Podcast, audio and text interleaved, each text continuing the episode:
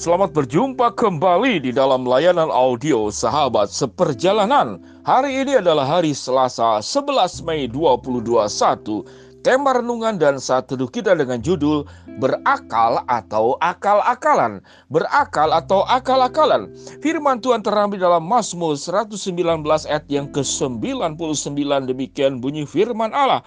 Aku lebih berakal budi daripada semua pengajarku, sebab peringatan-peringatanmu kurenungkan. Ayub 28 ayat yang ke-28, demikian bunyi firman Tuhan.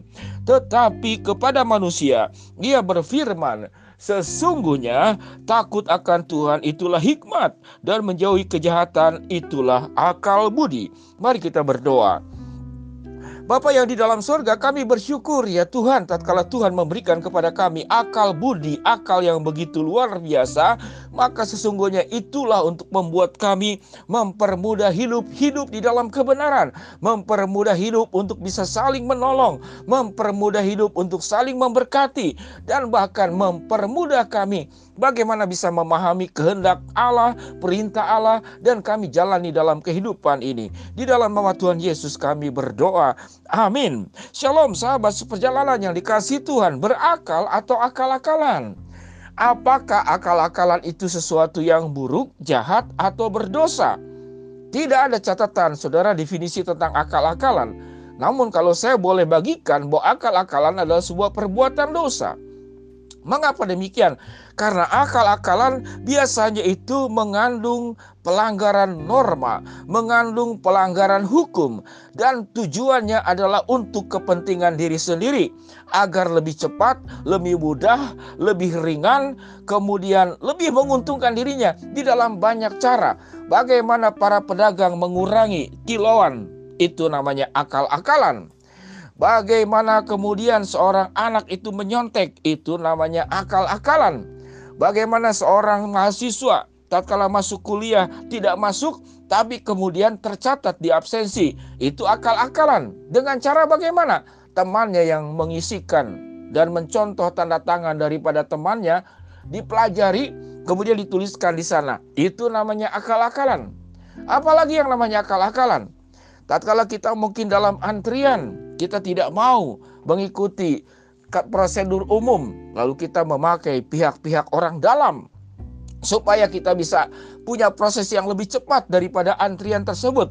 Itu namanya akal-akalan. Apalagi yang namanya akal-akalan? Banyak sekali. Bagaimana kita bisa berjualan supaya laku? Kita buat kemasannya sedemikian indah, sementara dalamnya itu buruk. Saya pernah membeli stroberi di daerah puncak Bogor. Bagian atasnya saudara itu stroberi yang begitu bagus. Dan saya melihat itu kelihatannya itu tiga lapis. Sedemikian penuh dan saya anggap itu tiga lapis. Jadi satu baris stroberi, dua baris stroberi dan di bawahnya satu baris lagi. Setelah dibeli, ternyata cuma satu baris stroberinya. Karena yang kedua dan ketiga itu diganjal pakai pakai karton, pakai kertas koran. Jadi kita membeli dianggap itu tiga baris. Itu namanya akal-akalan. Sahabat seperjalanan yang dikasih Tuhan, akal-akalan itu mengandung unsur penipuan. Akal-akalan itu mengandung unsur merugikan. Akal-akalan itu mengandung unsur kepentingan pribadi dan penipuan. Sahabat seperjalanan yang dikasih Tuhan, bagaimana seorang anak akal-akalan untuk uh, dia uh, terluput daripada perhatian dan disiplin orang tua. Bagaimana pasangan itu akal-akalan? Bagaimana dia tidak setia namun main belakang dan kemudian berupaya bagaimana seakan-akan dia setia. Sahabat seperjalanan yang dikasih Tuhan, Alkitab mengajarkan tetapi kepada manusia ia berfirman, sesungguhnya takut akan Tuhan itulah hikmat dan menjauhi kejahatan itulah akal budi. Sahabat seperjalanan yang dikasih Tuhan. Seseorang yang berakal itu tidak harus akal-akalan tatkala hikmat dan akal yang dipakai oleh Tuhan, eh, yang dipakai oleh kita, yang diberikan oleh Allah itu harus hidup di dalam kebenaran dan Alkitab mengatakan menjauhi kejahatan. Dan Allah menjanjikan sewaktu engkau mengikuti peringatan-peringatanmu di dalam Mazmur 119 ayat ke-99, maka engkau akan lebih berakal budi dari semua pengajarku. Jadi orang yang takut akan Allah, dia bisa lebih berakal budi. Karena akal budi tidak hanya berbicara tentang keilmuan. Akal budi berbicara tentang karakter. Akal budi berbicara tentang bagaimana hidup di dalam kekudusan dan di dalam kebenaran. Sehingga benar Salomo berkata, berikanlah kepada aku ya Tuhan hikmat.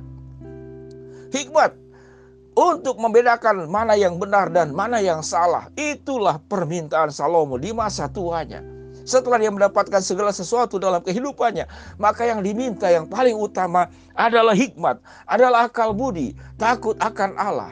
Orang yang takut akan Allah pasti hidupnya akan cerdas. Orang yang takut akan Allah, hidupnya akan benar. Dia tidak akan kemudian menyimpang ke kiri dan ke kanan.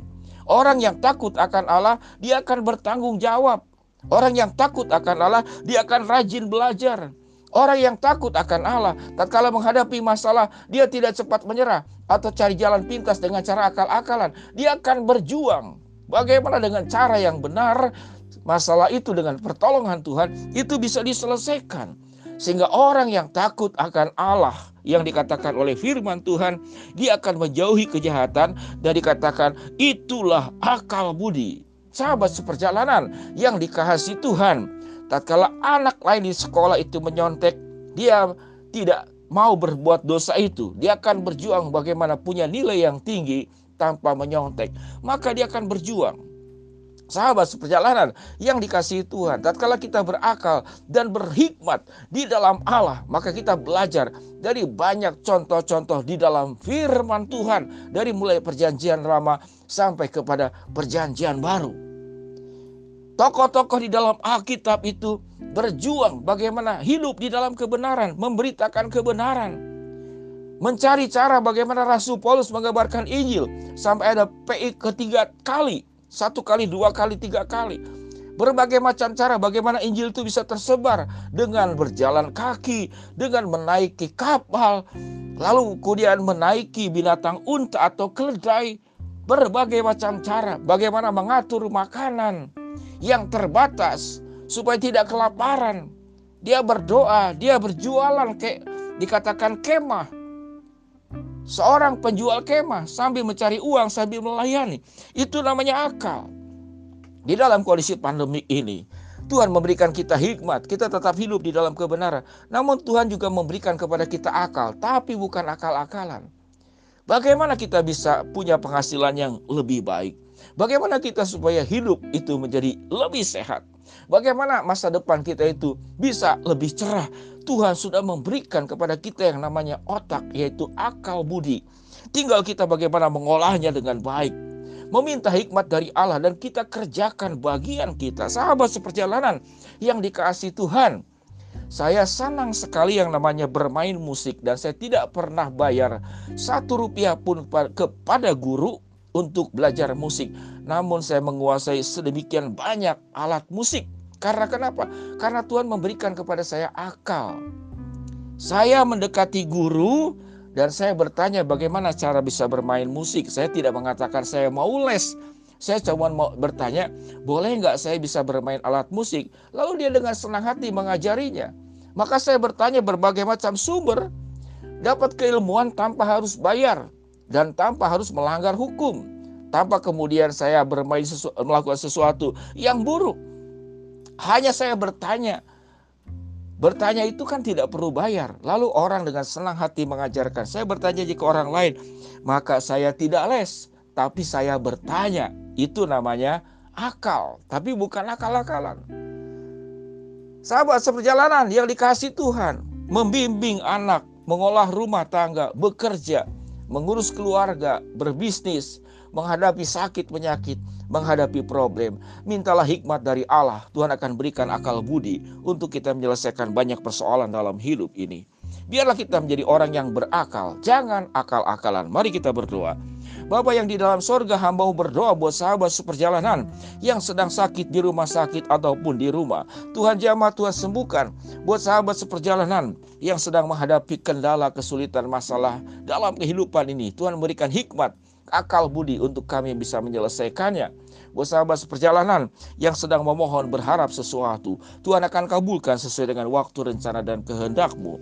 Di dalam nama Tuhan Yesus kami berdoa. Amin. Shalom sahabat seperjalanan. Biarlah kita menjadi pribadi yang berakal meminta hikmat Allah dan jangan hidup dengan akal-akalan karena akal-akalan adalah perbuatan dosa. Shalom, Tuhan memberkati kita semua. Amin.